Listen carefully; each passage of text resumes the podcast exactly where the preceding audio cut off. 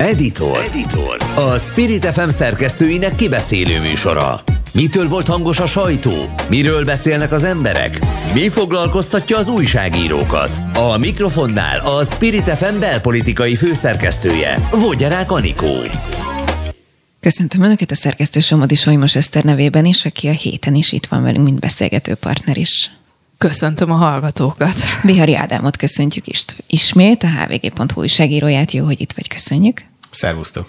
És Hazafi Zsolt, állandó társam, partnerem, az Egyenes Beszéd című műsor főszerkesztője. Szép jó napot mindenkinek. No hát nem tudom, hogy szerencsére éri ezt a szót használni, és szerencsére van miről beszélnünk, mert úgy tűnik, hogy azért egy rég nem látott volumenű tüntetést láthattunk a héten. Ha akarta, ha nem, mindenki beszámolt róla, és akkor itt ennyit tennék hozzá csak minősítésképpen. Szóval hír volt, hogy sokan, nagyon sokan álltak bele az élőláncba is, és a délutáni hitfoglalásba, valamint sztrájkba egyébként több iskolában, ugye a tanárok mellett, és ez folytatódott ma is, sőt, folytatódik tovább, és hogyha megengeditek, akkor azért dobnám rögtön Ádámhoz a szót, mert hogy te ma is közvetítetted ezt. Most persze majd beszéljünk arról is, hogy egyébként a nagy tüntetésen mit tapasztaltál. Szóval ma mi volt, mit tapasztaltál? Ma két helyen volt igazából megmozdulás. Az egyik az a innen nem messze körülbelül két sarokra a Szent László gimnázium, ahol szülők alkottak élőláncot, szülők és a diákok. A szülők felváltva őrizték a főbejáratot, azért, mert úgy értesültek, hogy a végzős, az egyik végzős osztálynak az osztályfőnöke meg fogja aznap, tehát pénteken vagyis ma kapni a felmondó levelét a tankerülettől, és a diákok pedig bent, ők az udvaron álltak körbe, ahogy láttuk, hát oda csak nyilván csak be tudtunk kukucskálni, és hát kialakult ez a szituáció, ott voltak a szülők, időnként jöttek tanárok, érkeztek a diákok, vártunk, hogy a tankerülettől érkezik-e valaki, vagy nem, és aztán szerintem olyan, hát talán tíz óra körül két pedagógus jött, és akkor ők mondták, hogy most érkezett egy telefon a tankerülettől, hogy nem született még határozat az illető tanárnak az ügyében, ezért ma biztosan nem fognak semmit kézbesíteni. Hát szerintem, ami késik nem múlik, tehát valamilyen válasz biztos lesz, mert ez a bizonyos tanár harmadszorra vett részt a polgári engedetlenségben, és ugye már az első után kapnak figyelmeztetést. A második után újra, és általában, ha jól tudom, az a gyakorlat, hogy a harmadik után már elbocsátás jár. Szóval ott ez történt, aztán a másik az a 17. kerület, nem akarok hülyeséget mondani, de a Karinti Frigyes gimnáziumnál volt egy másik akció, ahol 24 18. 18. tudtam, hogy a 17. meg a 18. a baj lesz. A 18. kerületi Karinti Frigyes gimnázium pedagógusai 24-en, ha jól tudom, 24-en ők is tudták, tehát az igazgató megkapta ezeket a leveleket, és akkor igazából velük küldte el a tankerület, hogy akkor tessék átvenni, és akkor a pedagógusok azt mondták, hogy ők nem veszik át, hanem akkor oda szeretnének menni a tankerülethez, a szemébe nézni a tankerület vezetőjének, adja át ő, mondja elő, hogy mégis miért. Ezért oda vonultak a tankerület épületéhez, szülők és diákok kíséretében, tehát ott egy jókora tömeg volt, ott, ott azért felfokozott volt már a hangulat is, rendőrök is érkeztek, és végül azt hiszem néhány tanár és egy darab szülő mehetett be, és a szülő egy petíciót is, egy tiltakozó petíciót is átadott. Ott volt egy fura, én, én ott a végére érkeztem, és volt egy fura, hát nem is fura, nem érdekes kommentárja. Az egyik szülőnek mondta, hogy milyen furcsa, hogy egy volt pártházban a rácsok között és rendőrök között beszélgetünk a, tanáraink sorsáról, és, és végül is átadták ezt a tiltakozó petíciót, azt mondta az illető szülő, hogy hát a tankerület vezetője csöndben átvette, és nem volt kommentárja. Ő azt mondta, hogy meg is hívták egy nyilvános fórumra az iskolába. Nem, nem emlékszem, hogy erre egyenes válasz érkezett volna. Nem tudom, hogy ti mit tapasztaltok, de szerintem ö, valami elindult, hogy kíváncsi vagyok, hogy mi a véleményetek, hogy miért most, hiszen azért a pedagógusokról, a problémáról, az oktatás körüli ügyekről azért már jó ideje beszélünk, hogyha csak a sajtót vesszük is, és egyébként egymás közt is. Tehát, hogy ez nem kérdés, hogy nekem például nincs olyan kisiskolás gyermekkel rendelkező barátnőm, ahol ne lenne tanárhiány, vagy, vagy mondjuk más tanítana adott tantárgyat. Mi lehet az oka annak, hogy, hogy kvázi most van az, hogy kiverte valami a biztosítékot, és mint hogyha most elindulna egy úgynevezett társadalmi szolidaritás, amit nem láttunk ugye a katások kapcsán, meg az egyéb ügyeknél. Nem biztos, hogy jó a szó, de talán a, a, azt szokták mondani, amikor megszűnik a félelem, akkor, akkor mer már cselekedni az ember, amikor már úgy érzed, hogy nincs mit kockáztatnod. Nagyon sokáig van az a pont, ahol az ember úgy van vele, hogy hát még mindig jobb ez az állás, ez a fizetés, ez a munka és ez a körülmény, mint a semmi. De szerintem eljött az a, az, az élethelyzet, amikor már annyira megnőttek a költségei ugye az átlagembernek is, hogy, hogy a pedagógus pedagógus úgy érzi, hogy, hogy már nincs tovább a türelem, és megszűnt az a félelem, hogy mi lesz, ha nem lesz ez a munka, mert már lassan úgy érzi, hogy nincs rosszabb helyzetben munkanélküliként, mint így úgymond nem megbecsülve a szakmájába, olyan fizetésért, amiből meg ráadásul egyre szűkösebben uh, tud kijönni. Ugye ma Magyarországon, a nagyvárosokban, Budapesten és a nagyvárosokban gyakorlatilag nincs valódi munkanélküliség. Tehát aki akar dolgozni, az el tud menni. Az a fizetés, amit egy pedagógus kap, az gyakorlatilag bárhol, bárhol megkapja. Én ezért nem értem, hogy miért fenyegetik meg őket. Tehát olyan dolgokkal fenyegetik meg őket, ami nem fenyegetés. Tehát bármikor elmegy, ha kirúgják, ha elbocsátják, másnap talál egy talán még jobb, jobban fizető állást is. Ami szerintem a felháborodásnak az egyik másik oka, hogy teljesen értelmetlennek tűnik ez. Tehát mindenki tudja azt, hogy olyan szabályok vannak a, a sztrájk területén, hogy körülbelül azt sztrájkolhat, aki járt a Holdon, tehát senki, tehát magyar részről. Tehát lehet olyan feltételeket szabni, amik nem lehet teljesíteni. Tehát ezt, ezt már gyakorlatilag mindenki átlátja, nem, nincs is nagyon sztrájk. A másik, a fizetést is látjuk azt, hogy nevetséges, amit a pedagógusok keresnek. Harmadrészt elmondják a pedagógusok, meg mindenki, aki valamelyest rálát arra, hogy ma az oktatás mi a, a friss trendjei, hogy nagyon elmaradott a magyar oktatási rendszer, lassan, nagyon-nagyon sarkítva egy gyerek megőrző bizonyos szempontból, tehát hogy nem, nem olyan tudást adnak, nem olyan tudást vár el az állam, hogy adjanak át a gyerekeknek, amivel, ami, ami, ami hasznos, és ezért értelmetlennek tűnik azt, hogy most miért kellett ezeket a tanárokat ezzel megfenyegetni, tehát hogy, hogy ágyúval lőttek verébre, és szerintem ezért van egy ilyen nagyon-nagyon erőteljes szolidaritás. Én így érzem.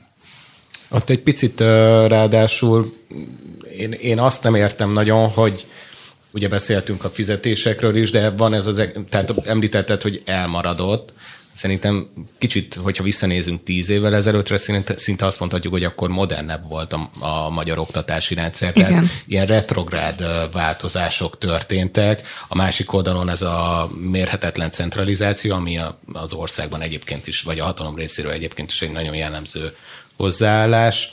A tankerületi rendszer létrehozása az, hogy egy krétát nem tud már az iskola saját erőből beszerezni ezek mind ilyen részletek, és a tanárok nyilván, akikkel beszéltem, sok tanára az elmúlt napokban említették a béreket is, azt, hogyha elmennek bárhova ezzel a képzettséggel, akkor nem az a, tehát kicsivel magasabb a legalja annak uh-huh. a fizetésnek, amit ott tudnának kapni bár, bármelyik más munkában. A másik, amit említettek, viszont az a hang nem, ahogy szóba állnak velük. Hát szóba állnak. Na. Tehát, ahogy nem állnak ahogy, szóba velük. Ahogy nem állnak szóba velük, a kompromisszumképtelenség, és az a leereszkedő, fenyegető, félelemkeltő hang, amit a hatalom használ velük szemben. Nagyon sokan ezért mennek egyébként ki, de azt ne felejtsük el azért, tehát mi látunk egy felszín, mi azt látjuk, ami hangos. De azért renget, ennél jóval többen vannak a pedagógusok, rengetegen vannak vidéken is, nem látjuk De... teljesen át, hogy kik azok, akik viszont csendben vannak és nem tiltakoznak, vagy azok, mert olyannal is beszéltem, aki említette, hogy ő bele fog állni, de a kollégái most, hogy látták az elbocsátásokat, kétszer is meggondolják már. De például a rendszer is azért sokat változott, és ezt is szokták mondani a pedagógusok, hogy annyira sok az adminisztráció és a háttérmunka, hogy tulajdonképpen azt az energiát és időt veszi el tőlük, amitől ők kreatívabbá, izgalmasabbá tudták tenni a tanórákat, mert ugye azért vannak olyan hangok is, akik kritikusok, és azt mondják, hogy ne sajnáljuk a pedagógusokat, mert hogy milyen csapnivalóan dolgoznak. Hát nem hiába, mert azért már ez a rendszer is más. Tehát nagyon, hát úgy elveszi az időt a bürokrácia. Igen, nekem egyébként, bocsánat, a édesanyám pedagógus volt, mielőtt négy évvel ezelőtt nyugdíjba ment, és még pont az az időszak volt, amikor ráláttam erre az adminisztrációs részre, és akkor kellett egy ilyen a pályáját összefoglaló, nem fog most a szakmai neve eszembe jutni annak a portfóliót írni. Hát ez egy kis regény, de inkább nagy. Tehát egy rengeteg munka volt vele. Volt szerencsém nekem is ma interjút készíteni, egy Berzsenyis tanárral beszélgettem, ami majd egyébként hétfőn lesz adásban, és, és nem tudom, hogy hogy sikerült eljutnunk oda, hogy, hogy mondtam, hogy amennyi ránk tartozik, én nem fogok a zsebébe turkálni, de hogy ossza meg a személyes történetét, és egy olyan megrendítő interjú kerekedett belőle, hogy így elég edzett csaj vagyok szerintem így az elmúlt 25 év pályámat tekintve, és nagyon erősen tartani kellett magamat, és az egy dolog, hogy egy kanapén lakik a szüleinél, mert nincs pénze már albérletre, mert elvált, és a két gyermeke is ott van egyébként, akiket nem lát, hiszen egyébként ugye reggeltől estig próbál dolgozni, a szívét, lelkét teszi bele, és neki ez a hivatása, bla, bla. Javaslom nagyon a hallgatóknak, hogy a hétfői partvonalba hallgassák meg ezt az interjút. De azt mondta, hogy az a megdöbbentő számára, hogy egyfelől nagyon megható, hogy végre melléjük álltak a diákok, a tanárok, a szülők, hogy látja, hogy mi van az utcán, de ugyanakkor odabent, amikor most ma felmérést készítettek, hogy is egyébként ki fog beleállni az október 14-i, ugye akkor folytatódik az a következő nagy megmozdulás sztrájkba, tüntetésbe, akkor alig vannak nevek a papíron. Mert hogy azt mondja, hogy a, a kollégái még mindig tartanak attól, hogy vagy kirúgják, vagy, vagy egyszerűen, egyszerűen nem mernek beleállni ebbe. Szerintetek mi jöhet ezután? Ezt tippelik nagyon sokan, és ugye ezért elég sok cikket olvasunk, úgyhogy kíváncsi vagyok a véleményetekre. Az egyik forgatókönyv az az, hogy na innentől kezdve akkor végre megfordulhat valami, érdemben fognak tárgyalni, hiszen egy év azért tárgyalnak a pedagógusokkal a kormányzat részéről, és akkor kaphatnak valamit legalább, és elindul egy folyamat. A másik forgatókönyv viszont azt jósolja, és én erre tippelnék, hogy, hogy nem lesz változás, hiszen hogyha az elmúlt tizen év politikáját nézzük, akkor nem annyira volt hátraarc a kormányzat részéről. Kikényszeríthető egyébként az oktatásban hátraarc a kormányzat felé? Szerintem itt most egy picit a hatalom részéről az időnyerés lesz a cél. Tehát lesz ez a jövő heti, amit említettél is, ez az újabb sztrájk, amire egyébként ma kell leadni Így van. azt, hogy ki az, aki ehhez csatlakozik, és mely intézmények csatlakoznak odáig ki kéne húzni, tehát azt el tudom képzelni, hogy mondjuk a felbocsátó leveleket az el, elkövetkezendő héten nem, nem fogják nem, ér, nem megy a posta. Aztán véletlenül a 14 Megnézzük, hogy még mi lesz 14-én. majd, majd megérkeznek ezek. Akkor ott lesz majd október 23-a, ami nyilván egy nagy tüntetések lesznek, de, de az embereket, én úgy látom, hogy az emberek többségét most nem az ellenzék érdekli, tehát az ellenzéki pártok a fejük. Nem, én is azt látom, hogy egy kicsit. Oda menni. De hogy Bár, egy, bocsánat, ez nyilván nem igaz, de hogy. Hogy egy kicsit fajsúlytalan, tehát hogy a, ugye eddig az volt a kommunikáció a kormányzat részéről is, emlékezzetek vissza még a választások előtt is, hogy jó, jó, mert a szakszervezetek mögött a DK áll, meg ez áll, meg az áll, és akkor ezért nem beszélünk velük, mert ellenzéki szelet folynak. És mint hogyha most először lenne az, hogy egyébként láttam posztolni ellenzéki politikusokat, hogy kint vannak ezek, ezeken a rendezvényeken, vagy ezen a rendezvényen, de hogy így erről nincs szó. Tehát innentől talán nem politikai ügy, amiről beszélünk. Igen, meglepő módon egyébként ez most ö, nem az ellenzék nyomta rá a pecsétjét, mert még a katás esetnél ugye sokan mondták, hogy ö, talán azok a megindulások is azért lettek hambába holtak, mert arra nagyon ráült a politika, ráültek a pártok. Itt ö, mondjuk engem nagyon érdekelne, hogy hogy alakulhatott az ki, hogy itt most nem ez a kardinális. Egyszerűen nem tudom. Vagy lehet, hogy most a B-tervet is kipróbálják, hogy mi van, hogyha az egész inkább olyan civil jellegbe megmarad. lehet, hogy eredményesebb is lesz. Tehát én egy kicsit úgy érzem, hogy, hogy itt a korábbi, tünt, korábbi tüntetéseknek volt egy ideológiai vetülete, mert akkor a Hoffman Rózsa ellen tüntettek különféle átalakítások, mert mindegyiknek volt egy ideológiai oka. Én most egy kicsit úgy érzem, hogy a kormány egy ki nem kényszerített hibát követett el, hogy a kétharmados győzelem után egy kicsit a Fidesz vezetőinek fejébe szállt egy kicsit a dicsőség, és egy hübrisz lett rajtuk órá, és hogy szerintem egy olyan lépést tettek, ami, ami, ami aránytalan. Tehát az, hogy ilyenért, hogy valaki polgári engedlen, engedetlenkedik, ilyenért ilyen ö, súlyos ö, megtorlása, mint elbocsátás fenyegetik, az azért a közélettel foglalkozó embereknek azért felháborítja, hiszen emlékszünk, amikor Orbán Viktor polgári engedetlenkedett a Fidesz frakcióval, és odébb vittek ilyen korlátokat, és az törvénytelen volt, és mégis azt, azt az eljárást elengedték nekik.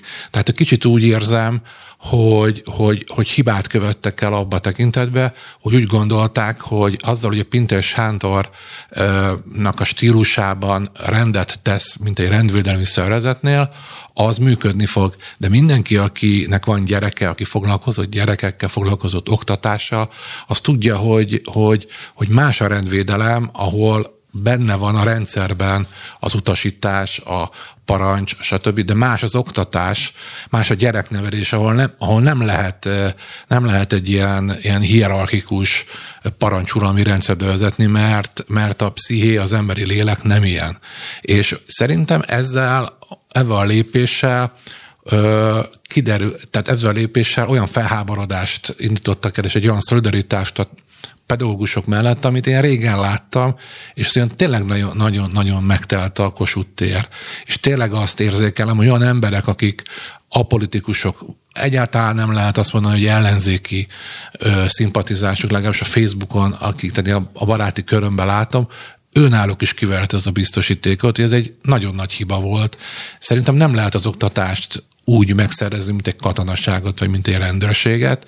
A másik az, hogy a rendszerváltáskor nagyon-nagyon sok pedagógus, tanár vitt komoly szerepet abban, hogy Magyarország megváltozott. Az első szabadon választott magyar miniszterelnök is pedagógus volt, Antal József, akkor a Horn, Horn Gábor és Pokorni Zoltán a szakszervezeti, pedagógus szakszervezeti világból jött.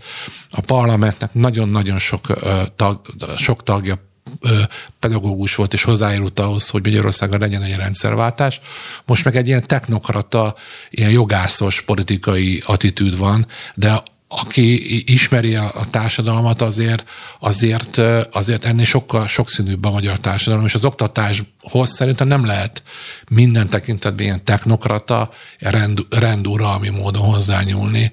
És mondom, akinek van gyereke, akár kicsi, akár közep, középkorú, vagy közepes generációt, az akár, akár középkorú, akár, azt tudja, hogy ez, ez nem úgy működik. Tehát ne, nem, nem az van, hogy az em, a gyereknek megparancsolsz valamit, és úgy van. Sokkal összetettebb az oktatás annál, és sokkal jobban működnek azok az oktatási modellek, amelyek nem ez a régi paraszos katonás rendben vannak, és szerintem ezért is, ezért is háborított fel nagyon-nagyon sokakat ez a számomra értelmetlen ö, ö, fenyegetés, ami érte ezeket a pedagógusokat. De közben meg olyan érdekes, hogy nem minden tudósításban telt meg a Kossuth tér. Hát az mondjuk az, az a magyar média helyzetekről. Erre, erre, erre szerintem itt... attól függetlenül, hogy mit látunk a Revolver médiában, tehát hogy a tanárok a, igazából csak baloldaliak tüntetnek, és a pártkapcsolataik miatt, és stb. stb. és kiviszik és felhasználják a gyerekeiket, azért vegyük figyelembe, hogy a Fideszes politikusoknak is gyerekei vannak, ők is iskolába járnak. Vannak kevesen, akik nem a budapesti elit gimnáziumokba, de mondjuk akkor is iskolába járnak, és tisztában vannak. Tehát itt beszéltél olyan politikusokról, akik pedagógus háttérből érkeznek, látják ezt a problémát. Én nem hiszem, hogy az van, hogy itt mindenki felvette a szemellenzőt, és ellenségként kezeli a tanárokat. Bizony vannak valószínűleg kormányoldalon is, akik felismerték, hogy ez kezd egy nagyon-nagyon politikai problémává válni, holott ez előtte egy szakpolitikai probléma volt, és nem lehet így kezelni, hogy akkor minden nap kirakjuk majd bizonyos sajtótermékek oldalára, hogy ott az ellenség, az új ellenség a tanár, aki kockásingben van. Ez nem igaz. Tehát ők tanítják az ő gyerekeiket is, még egyszer mondom, vannak a gyerekeik közül egyébként, akik részt vettek a tiltakozásokban. Tehát vannak vezető fideszes politikusok, akiknek a gyerekei ott voltak az élőláncokban, a gimnáziumoknál szerdán. Sőt, ugye volt egy hír arról is, hogy egy az ország leghíresebb, legsikeresebb katolikus gimnáziumának a tanára nagyon élesen elmondta azt, hogy miért rossz a mostani oktatási rendszert. És ugye a Fideszes kommunikációban a katolikus egyház a legnagyobb szövetséges a keresztény demokráciában, tehát ez egy nagyon érdekes volt, hogy elméletileg egy olyan oldalról jött egy nagyon erős, nagyon pontos, nagyon hiteles, adekvát kritika, ahon, ahonnan nem várták. Arra nem válaszoltatok viszont, és már pedig ütöm, hogy uh-huh. szerintetek jöhet egy hátraarc, és lesz egy megállapodás, vagy ugye, hát ahogy az Ádám reagált rá igazából érdemben, vagy akkor most még kivárunk egy hetet, de utána jön egy retorzió. Annyit tudok már, bocsánat, már jönnek bizonyos információk, hogy jövő héten is lesznek tiltakozások hasonló okokból. Uh-huh. Tehát akkor elindul egy kvázi kirúgási hullám. Tehát ahol konkrét ügyekről van szó, már szerveződnek a tiltakozások. Én szerintem agyalnak rajta, mert uh, szerintem nem, nem gondolták ezt végig, hogy ekkora uh, visszhangja lesz ennek a történetnek. Én amennyire amennyi információ vannak, ugye a Fidesz elképesztő módon vezérkarát le köti a rezsi, az energia ár miatti problémáknak a kezelése. Tényleg elképesztő probléma van iparágazatokban, önkormányzatoknak, a költségvetés teljesen szétveszíti a hétszeresére, tízszeresére ugró energiár, és ahhoz képest ez, ezzel a döntéssel, hogy megfenyegették a tanárokat, nagyon-nagyon megemeltek egy olyan problémát, és egy olyan frontot nyitottak, amit szerintem nem akartak, vagy nem gondolták volna, hogy ekkora front lesz. Én úgy gondolom, hogy most azon agyalnak, hogy hogyan lehet erről a helyzetről valahogy arcfesztés nélkül lejönni, és valahogy úgy, úgy megoldani, hogy megmaradjon a Pintér Sándor renoméja is, de azért ezt, ezt leszerelni, ezt a egyre dagadó, egyre nagyobb volumenű tüntetést. Tehát azért tényleg olyan, hogy reggel az ülőutat, a Budapest egyik legforgalmasabb útját le kell zárni azért, mert 1000-1500 szülő lez, elment, hogy a tanárok, az iskola, a gyerekeinek a tanárait megvédjék, azért én erre, én erre nem emlékszem, és, és ö, élő látszokra sem emlékszem, tehát hogy ez nekem egy kicsit úgy tűnik, mintha ebben lenne egy más, más vetület, mint az elmúlt éveknek az ilyen pedagógusok ö, oktatásra kapcsolatos tüntetéseinek, és eddig még nem tudott rájulni az ellenzék, hanem nekem teljesen civilnek és spontánnak tűnik, de mondjátok, ha ti nem Egy így nagyon látjátok. rövid szünet után mondhatjátok, jó? Innen folytatjuk. Editor. Editor. A Spirit FM szerkesztőinek kibeszélő műsora. Mitől volt hangos a sajtó? Miről beszélnek az emberek? Mi foglalkoztatja az újságírókat? A mikrofonnál a Spirit FM belpolitikai főszerkesztője, Vogyarák Anikó. És folytatjuk a beszélgetést a Modi most Eszter szerkesztővel, Hazafi Zsoltal, az Egyenes Beszéd főszerkesztőjével és Bihari Ádámmal, a hvg.hu újságírójával, és ha marad bennetek gondolat, akkor hagyom, hogy kibontakozzatok még így a, a tanártüntetés és az oktatás helyzetével kapcsolatban, de azért behoznám témaként azt is, hogy hát nem csak ők voltak elégedetlenek a héten, hanem ugye ma reggel itt hajnal ötkor rettenetesen boldogan tapasztaltam, és nem csak azért, mert a kisfiam örülhet majd két percenként, hogy kukás autó, hanem mert hogy valóban szerintem katasztrófa lett volna, hogyha nem sikerül megegyezni. Szóval, hogy uh, sikerült reggelre, illetve tegnap este megegyezni, és most már azt olvasom, hogy Karácsony Gergely egyébként kiterjesztette ezt a megállapodást, és a fővárosi cégek, hivatalok és intézmények dolgozói is mind megkapják ugye a 200 ezer forintos rezsitámogatást.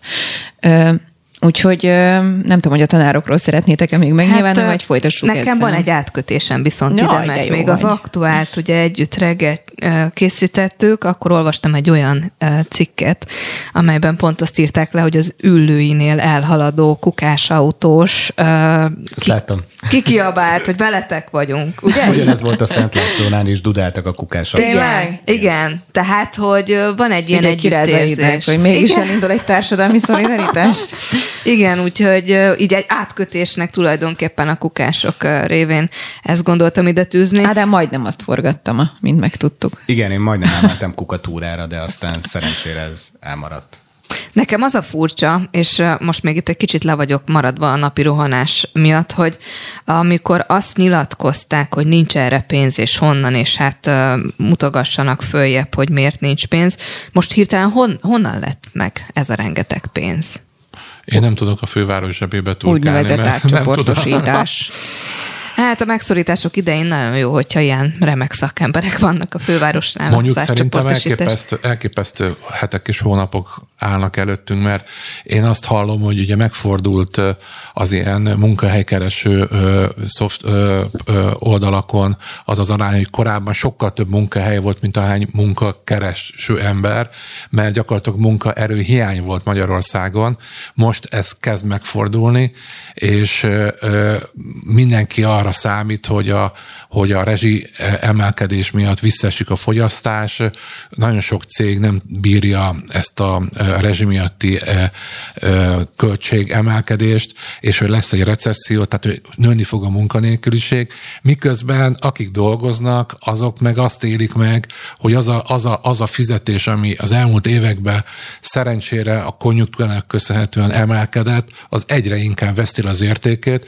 Tehát, hogy, hogy van egy van kettős nyomás, hogy, hogy akik dolgoznak, azok szeretnének fizetésemelést, hogy fent tudják tartani azt az életszínvonalat, amivel most élnek, mert azért valamelyest az Igen, tehát nem azért, hogy jobban éljenek, hanem, hanem hogy ne éljenek. Magyarországon tényleg konjunktúrának köszönhetően most az elmúlt években tényleg volt egy valódi reálből növekedés, de most ez az brutális infláció, különösen a 30%-os élelmiszer infláció, azért az viszi le ennek a vásárló értékét.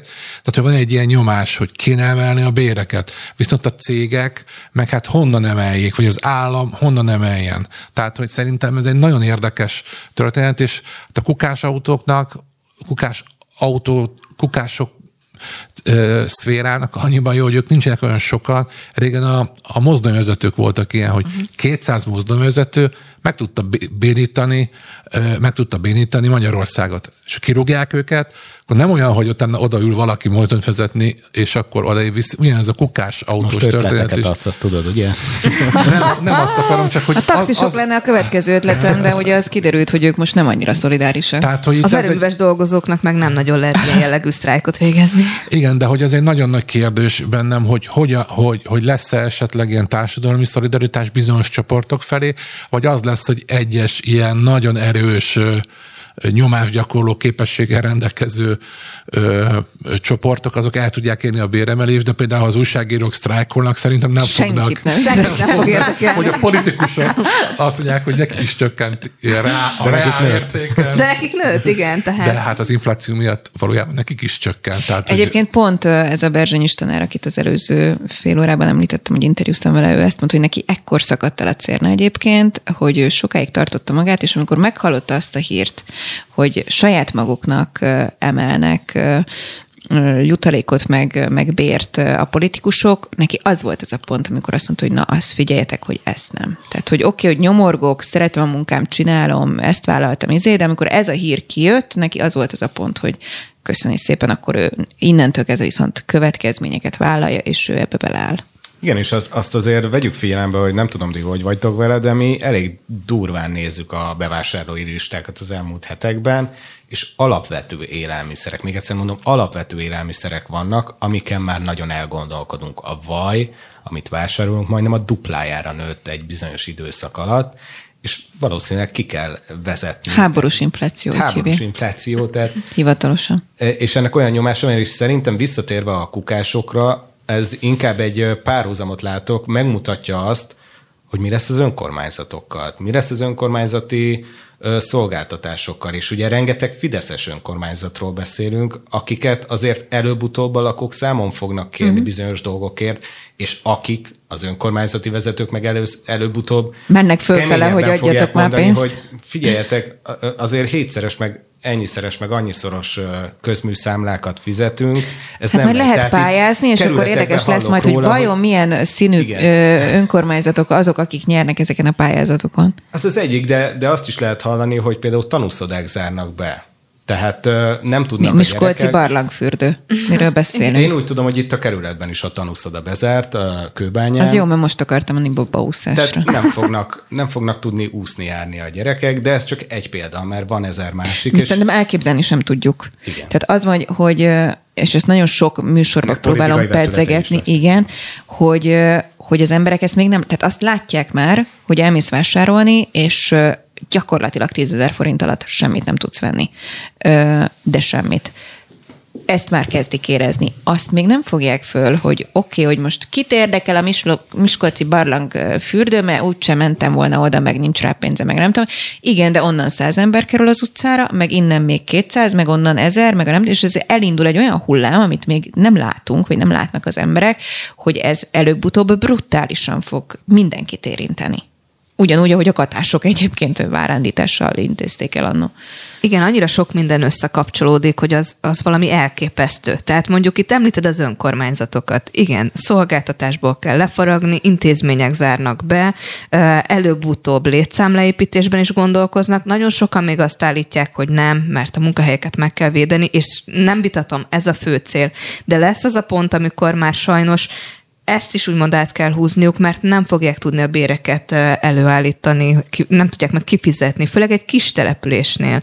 Arról nem beszélve, hogy az iparüzési adók, amikkel mondjuk úgy számolnak, valószínűleg az is csökkenni fog, hiszen amikor az ember pénze fogy, akkor könyörgöm. Tehát mi fog történni? Mind... Ügyvédi ismerőstől hallom például, hogy a bíróságokon, ügyészségeken mennek körbe, és hősugárzó nem lehet, uh-huh. nem lehet bedugni, ha a ügyvéd nem dughatja be a laptopját, nem töltheti a telefonját a telefonját, mondta egy ügyvéd vendégünk, igen. Hát De már... van, van olyan egyetem, ahol nem lehet, a diákok nem tölthetik a telefonjukat. Ezt akartam mondani, hogy már vendégségben is óvatosan Bíróságon az sem az ügyvéd. Uh, no, uh, egy gyors átkötéssel akkor én is próbálok egy ilyet brillírozni, amit Eszter, hogy ugye mindennek az oka a háborús infláció, aminek az oka ugye a szankció, nyilvánvalóan ez az itthoni kommunikáció, és de jó, mert lesz legalább ugye nemzeti konzultáció erről, Mindeközben, már mint arról, hogy gáncsoljuk el a szankciókat, a héten azért csak megszavaztunk egy újabb szankciós csomagot. Nagyon nem szeretném kifejteni, mert körülbelül szerintem no comment kategória ez, de azért mégis kíváncsi vagyok a véleményetekre. Tehát megvan a nyolcadik szankciós csomag Oroszországgal szemben, és akkor itt behozom az orosz híreket is, hogy legyen miről beszélni, akik ugye közben négy területet gyakorlatilag ugye elfoglaltak, és nem csak négy területet nyilvánítottak Oroszország részévé, hanem az atomerőművet is, ami nagyon-nagyon sok kérdést vet fel. Igen, ezek, ezek az elfoglalt megyék, ugye az orosz haderő már elég régóta ott van, csak most került sor ezekre a szavazásokra. Ugyanakkor meg az elmúlt Ezt időszakban... idézőjelbe tetted, igen. nem láttam a kezem. igen, igen, igen, akkor oda képzel. Tehát ez, ez erre pontot tett egy ideig, ugyanakkor ősz elején indult az ukrán offenzíva, ami jelentős területeket szabadít, szabadított fel, főleg Harkiv megyében, most az előbb olvastam, hogy most éppen egy Luhanszki falut szabadítottak fel, tehát nem arról van szó, hogy az oroszok ezt őrzik, és akkor ez a határ ez átjárhatatlan, hanem egy most is tart ennek az offenzívának a, a lendülete, és ezért van az, hogy egyre több, vagy szerintem, meg elemzők szerint egyre többször kerül szóba maga a nukleáris fegyver, tehát most nem csak az atomerőműről beszélünk, hanem a nukleáris fegyver használata Putyin részéről, tehát nem mondjuk, hogy nem fáj a szankció, mert akkor nem lenne állandóan ez a téma, akkor elfoglalná a területeit, és akkor a területeit, az ukránok területeit, és utána rányomjuk a bélyeget és kész, de, de igazából itt egy, egy folyamatos fenyegetettség van az ő részükre is, ugyanakkor meg a kényszer sorozással, illetve a sorozással, meg, meg az orosz társadalom is erőteljes nyomás alá került. Sőt, amire nem gondolnánk, és itt átpasztolom Zsoltnak a szót, hogyha megengeditek, hiszen te hoztad témaként a tegnapi aktuálban, hogy még így az atom előtt nem is kell Oroszországnak mondjuk az atomig eljutnia, mert tegnap téma volt, és ezt a vetületet én, ha nem hozod a témát, eszembe sem jutna, hogy az űrben indul el a háború, és pont elég, hogy az oroszok nekiálltak kísérletezgetni jobbra-balra, és mondjuk arrébb toszogatnak egy-két segítsetek ki szatellitet, műhold. műholdat, köszönöm, egy-két műholdat, és már is megbénul gyakorlatilag a komplett világ komplett gazdasága, mert hogy minden is műholdon keresztül működik. Ugye Ferenc Orsolya volt a vendéged, aki nem tudom pontosan elmondani a titulusát, de miniszteri biztos. felelős miniszteri biztos. És ő nagyon, tényleg nagyon ért hozzá, és azt mondta, hogy nagyon aggasztó, mert ugye elméletileg van aláírva egy olyan nemzetközi szerződést, hogy az űrt nem használjuk háborús dolgokra, ettől függetlenül nyilván használják. Ugye a mostani harci cselekményeknek is egy nagyon érdekes újdonsága az, hogy azért műholdakról, meg a Elon Musk-nak a, ez a űrből sugárzott internetes technológiájával azért nagyon-nagyon pontosan tudnak manőverezni mind az oroszok, de különösen az ukránok, ugye az ukránoknak segítenek a nagy hatalmak csúcstechnikával, és ezért lehet azt mondani, hogy egy, egy, ez, ez a háború, ami egy ilyen Dávid és Góliát háborúja, hogy azért a ukránok most egy kicsit Dávid szerepébe kezdenek lenni, hogy kezdik legyőzni az, az oroszokat, és ugye ebbe merült fel az, hogy, hogy az oroszok ezért a műholdakat megpróbálják vagy lelőni, vagy átvenni fölöttük az uralmat, és ez viszont elindíthat egy olyan láncreakciót, ami, ami hát meg tudja bolondítani gyakorlatilag a fejünk fölött levő csúcstechnikát, mert ugye egy probléma az, hogyha szétlőnek egy műholdat, akkor ott maradnak a, az alkatrészei, tehát űrszemét, amúgy is az űrszemét nagyon nagy probléma, és hát ugye a telefonunk egy rakat olyan technológia, aminek köszönhetjük a, a navigációt. Például nagyon-nagyon sokat köszönhetünk a, a műhold felvételeknek a agráriumba, a víz, vízügybe. Minden, mindenhol. Tehát mindenhol. Ha ott most elkezdenek szétlőni mindent, akkor ez megbénulhat. Sőt, a távközlésben, a bankok közötti kommunikációban nagyon nagy szerepet töltenek be a műholdak. Tehát, hogy ez valóban aggasztó tud lenni, hogy, hogy, hogy e felé megy a történet. Amúgy nekem az egész az orosz-ukrán háború engem mindig egy félelemmel tölt el meg, hogy, hogy ne eszkalálódjon, ne terjedjen ki. Ennek ugye egy vetülete volt ez a gázvezeték elleni a mai napig nem tudjuk, hogy ki, de hogy egy, egy felrobbantás, mindenfajta verzió, nyilván összesközös elméletek is ebben megjelentek. Tehát, hogy azért az a legrosszabb, hogy nem azt látjuk, hogy kifelé jövünk a konfliktusban, hanem úgy befelé megyünk. Vladimir Putyin abban a helyzetben van, hogy arcfesztés nélkül nem tudja ezt a helyzetet most azonnal abba hagyni, tehát valamit ki kell találniuk az oroszoknak, hogy fel tudják mutatni, hogy van értelme ennek a háborúnak. Tehát, hogy nekem ez egy nagy kérdőjel, hogy, hogy ez most hova fog menni.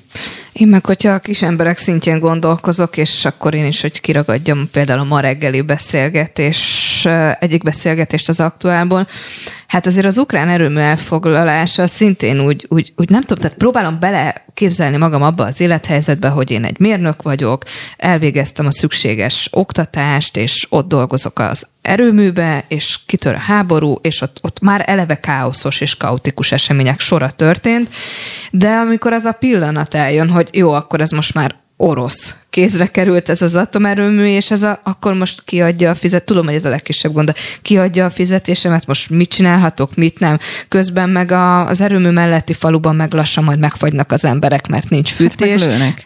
És lőnek. Tehát, Kicsit zárójelbe teszem, hogy ti tudtátok, hogy ma van Putyin születésnapja egyébként. Igen, már elküldték nekem. Elküldték, 70 éves. Úgyhogy mondanám, hogy... Ismerős, ismerős egy Jimmy uh, dalt küldött neki, hogy szeress úgy is, hogyha rossz vagyok, vagy valami ilyet.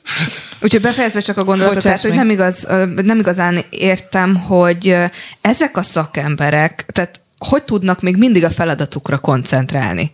Mert amikor például, ugye én paksi vagyok, tőlem kérdezik, hogy, hogy milyen ott dolgozni, milyenek az emberek, mekkora a stresszfaktor, stb. Hát könyörgöm ehhez képest. Az átlag atomerőműzemeltetési feladat stresszfaktor az semmi ahhoz képest, amin ők átmennek. El nem tudom képzelni, hogy hogy tudják tényleg precízen végezni ilyen körülmények között a munkájukat.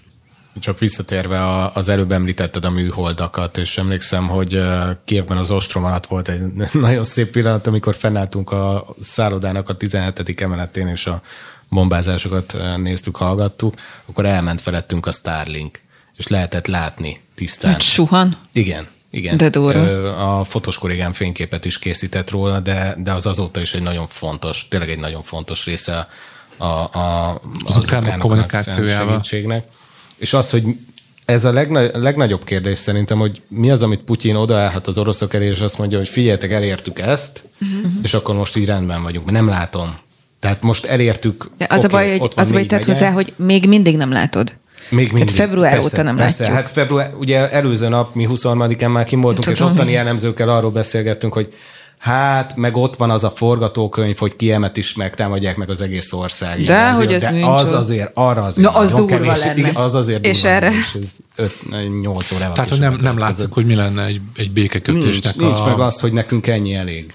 Tudjátok, mi a másik aspektus? Akkor ezt is bedobom, csak ha már az önpromóknál tartunk. A Benfentes című műsorunkban, itt a Spiriten, amiben ugye a Vona Gábor és a Siffer András beszél, ott a Vona dobta azt be, hogy ő azt nem látja, és kíváncsi vagyok, hogy nektek van-e ilyen infótok egyébként, vagy csak a mi tudásunk hiányos, hogy nem kapott eddig egyébként Putyin a, a nyugattól, vagy kvázi Európától, vagy Amerikától, tök mindegy, egy ilyen, egy ilyen tervet, hogy jó, figyeljetek, srácok, álljatok le, cserébe ezt és ezt akkor megkapjátok. Mondjuk, nem fogadjuk be Ukrajna a NATO csatlakozási kérem, vagy a bármi. Tehát, hogy nem, nincs a nyugat oldaláról sem egy olyan kezdeményezés Oroszország irányába, hogy figyeljetek, békét akarunk, álljatok le, és akkor beszéljük meg, hogy mit akartok.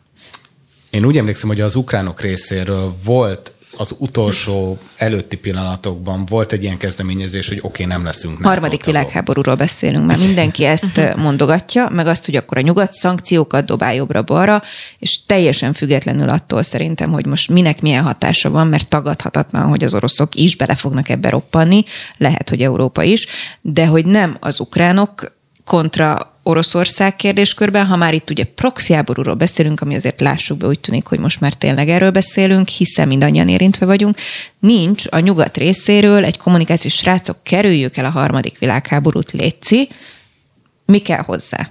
Azt nem mondhatják, hogy oké, okay, tartsátok meg ezt a négy megyét, mert akkor Ukrajnát a nyugat is elvesztítette örökre, vagy nem tudom, tehát ez egy, ez egy nem járható út feltehetően. De mi ez egy 22-es csapdája? Ez egy 22-es Tehát, hogy azért csapdája. nem adnak szerinted ajánlatot, kvázi, vagy azért nem kerüljük el a harmadik világháborút, mert nem tudunk egyébként mit, mit mondani? Mert... Hát fél azért olyan nemzetközi jogi egyezmények kert borít fel, hogyha ezt elfogadja a világ, hogy megváltoztak a határok. Mert ugye az ENSZ-nek a az alap okmányában, vagy az ENSZ-nek a, a, az alapításában benne van, hogy nem lehet katonai erővel megváltoztatni határokat, illetve két ország békésen tud csak megállapodni, ha ország, a határokon De miért olyat van, lehet, hogy oda megyek, és holnaptól ez az atomerőmű az enyém? Igen. Természetesen csak, hogy az a probléma, Abszolút. hogy most egy olyan helyzet van, Semmit. hogy az elmúlt 60-70 évnek a nemzetközi jogrendszere van kérdőjelbe rakva, és ezt újra összerakni, ez nem egy könnyű történet. Tehát ahogy például a háborús bűncselekmények kivizsgálása is, mert most azért a levegőben vannak tömeggyilkosságok. Uh-huh. Is találtak több száz holtest egy gyerekek. Hogy, hogy ki fogja azt, ki fogja azt, azt kivizsgálni. A, az, az, az a világrend, amely a második világháború után jött létre, és amelynek ugye egy kiemelt szerepe nem, nem igazságosság szerint, hanem a győztesek megállapodása szerint, hogy a ENSZ biztonsági tanácsában öt ország van, nincs, nincsenek mások, és nem lehet cserélni, tehát, hogy az, az, az, az, a világrend, ami a második világháború után kialakult, hibáival, egy erényeivel együtt, az van most egy nagyon nagy kérdőjelbe rakva. Tehát én nem tudom, hogy most nem látok olyan entitást, olyan intellektuális, politikai, katonai erővel rendelkező fedet, aki ezt ki tudja kényszeríteni, ezt a, a békét, hanem, hanem inkább az, az, a, a, én annak szurkolok, hogy valahogy ne eszkalálódjon. Tehát talán még az is, az is jobb helyzet, ha befagy ez a ö, mostani ö, konfliktus. Én nagyon sok ilyen befagyott konfliktus van a világban. Ez is az volt ez korábban. Egy, ez, egy, ez egy ilyen külön kifejezés a geopolitikába. Még az is jobb, mint az, hogy, hogy ez eszkalálódjon. És lesznek ugye időközi választások hamarosan az Egyesült Államokban, és annak is lesz egy erőteljes Politikai üzenete. hatásség. Igen. Bár ugye Donald Trump azt mondta, hogy ő megoldotta volna ezt sokkal egyszerűbben. Ezt Ha- sok mindenre mondtam Ha ő, ő lett volna az elnök, akkor a, a Vladimir ezt nem tette volna, megbeszéltek volna. Meg, megdumizzák. No, akkor végszóra próbáljunk lazítani egyet szerintem, és akkor kis színesnek Zsolt egyik hírét hozom, amit a csütörtöki aktuálba dobott be, és kíváncsi vagyok, hogy egyébként Ajaj. ti elmentetek volna-e, vagy elmennétek egy ilyen zsíros, nagyon jó állásra. Ugye négy nő kezdett el dolgozni a föld a legdélebbi postahivatalán az Antarktiszon, ahol pingvineket is tudnak számolni, Igen. és akkor itt egyébként behozom az adás előtti beszélgetésünket, hogy igen, délen van az Antarktisz is, és a pingvinek is délen vannak. Négyezren jelentkeztek egyébként erre a munkára, és számomra ez egy ilyen megdöbbentő dolog, tehát én nem annyira tudom elképzelni egyrészt azt, hogy négy vadidegen nővel összezárva kelljen kvázi élnem a mindennapjaimat a teljes világosságban, ugye ott Én a 24 kávésos órán keresztül, és hiszem 15 ezer kilométerre van a legközelebbi. Az összetétele van a probléma, Anikó? Tehát, hogy a négy nő... Tehát, figyelj, az, hogy te, nekem ez is fura, hogy négy vadidegen nővel, vagy gyakorlatilag Hát ott cica harc van, 24-ben. hát gondolj bele, hát Ön, igen, másrészt pedig, hogy ez egy ilyen szinten áhított meló, hogy itt sok ezres túljelentkezés. Tehát ti elvonulnátok az Antarktiszra, vagy csak ilyen Hát egy-egy napjainkban én azt mondom, hogy miért ne vállalnám be. Tehát nem is tudom, lehet jó lenne kiszakadni Látom, ebből a hogy a férjed meg a gyermeked ennek örül majd. Hát figyelj, lehet, hogy fellélegeznek. Ők is találnak valami hasonló eldugott helyet, és kipróbálják a magányt. Van egyébként egy külön műfaj, én több regényt olvastam a sarkutatásokról, és iszonyú jó ez a mérhetetlenül izolált, mindentől elzárt környékek és a felfedezőknek az itteni kalandjai. Én nagyon elmennék egy ilyen helyre. De belőled ki is nézem. Jó, de te hova nem mennél el? De várjál, Ádám, és mi, téged is legfeljebb elengedhetnek Ádám, a egy-két regény hétre vége szerintem. általában mi volt? Hogy megbolondultak, vagy úgy megtisztultak? Vagy tehát hogy mondjam, hogy Hát ráleltek az útjukra? igen. Akkor vagy megbolondultak, vagy megtisztultak. Nem tudom, csak mindig azt bírom a, így a- az emberiségben, az emberekben, hogy mennyire mások vagyok. Tehát, hogy például engem soha nem érdekelt, hogy egy olyan könyvet elolvassak, hogy mi van az ilyen, ilyen ezekkel. Akkor ki- látom, hogy neked egy ilyen Csillog a szenvedély, szeme ez- közben, nem? Hogy mondja, hogy ú, olvastam a- Egy eszedbe az jutotta, hogy Antarktiszra. olvast, hogy me- milyen könyvek így látszik a szemed, hogy végigfutott, hogy miket olvastam végig. Én nekem nem tudom, pisztolyt a fejemhez, hogy olvassak el egy ilyen könyvet, nem érdekelne. Tehát, hogy ez bírom, Pedig hogy érdekes lehet. De Gondolom leírták a lelki folyamatot is, hogy mi mindennel küzdenek Persze, meg. hát volt egy nagyon híres sarki expedíció, az a Terror nevű hajó volt az egyik, és az Airbus a másik, és akkor e- az északnyugati átjárót keresték, mindegy, végül el kellett hagyni a hajót, és elindultak délfele, és a végén meghalt mindenki az expedícióból, de hogy ez, ez, ez csak egy a sok közül. De azért volt happy endes is, ugye? Ezek, ezek Voltak- nem, ezek voltak- nem voltak nagy túlélő izé, is, magazinok, meg nem tudom. Ami még szerintem izgalmas ebben a hírben, vagy így érdekelne, hogy megkérdezném tőlük, hogy, tehát, hogy jó, hogy négyen vagyunk egy postahivatalban, tehát hányad adnak fel naponta levelet? Vagy, tehát mi, A, mit az csinálsz? kiderült a hírből, hogy, hogy járnak oda turisták. és Hát, de a- szerinted annyian, akkor hogy négyen egy Évente műszakba? 80 ezer képeslapot ö, Ó, küldenek azt osszuk onnan. már el. Igen. Jó, de nyilván, ha ha most elmész oda, akkor feladsz az összes Mert telefonálni nem tudsz mi. feladsz az összes ismerősödnek huszat. Tehát, hogy én biztos, De miért a pingvin számolás az meg hogy? Hát szegények ugyanúgy néznek ki. Tehát elkezded számolni egy, Hol kettő, három. Hol tartottam? tartottam? Várjál. Tehát Na, én, én itt buktam el sajnos. Na mindegy, minden esetre izgalmas hír volt ez is. Én nagyon szépen köszönöm, hogy itt voltatok, a hallgatóknak pedig a figyelmet köszönöm. Legközelebb egy hét múlva lesz editor, és ne felejtjék, este hétkor az Ostromban még várom önöket. Szép napot!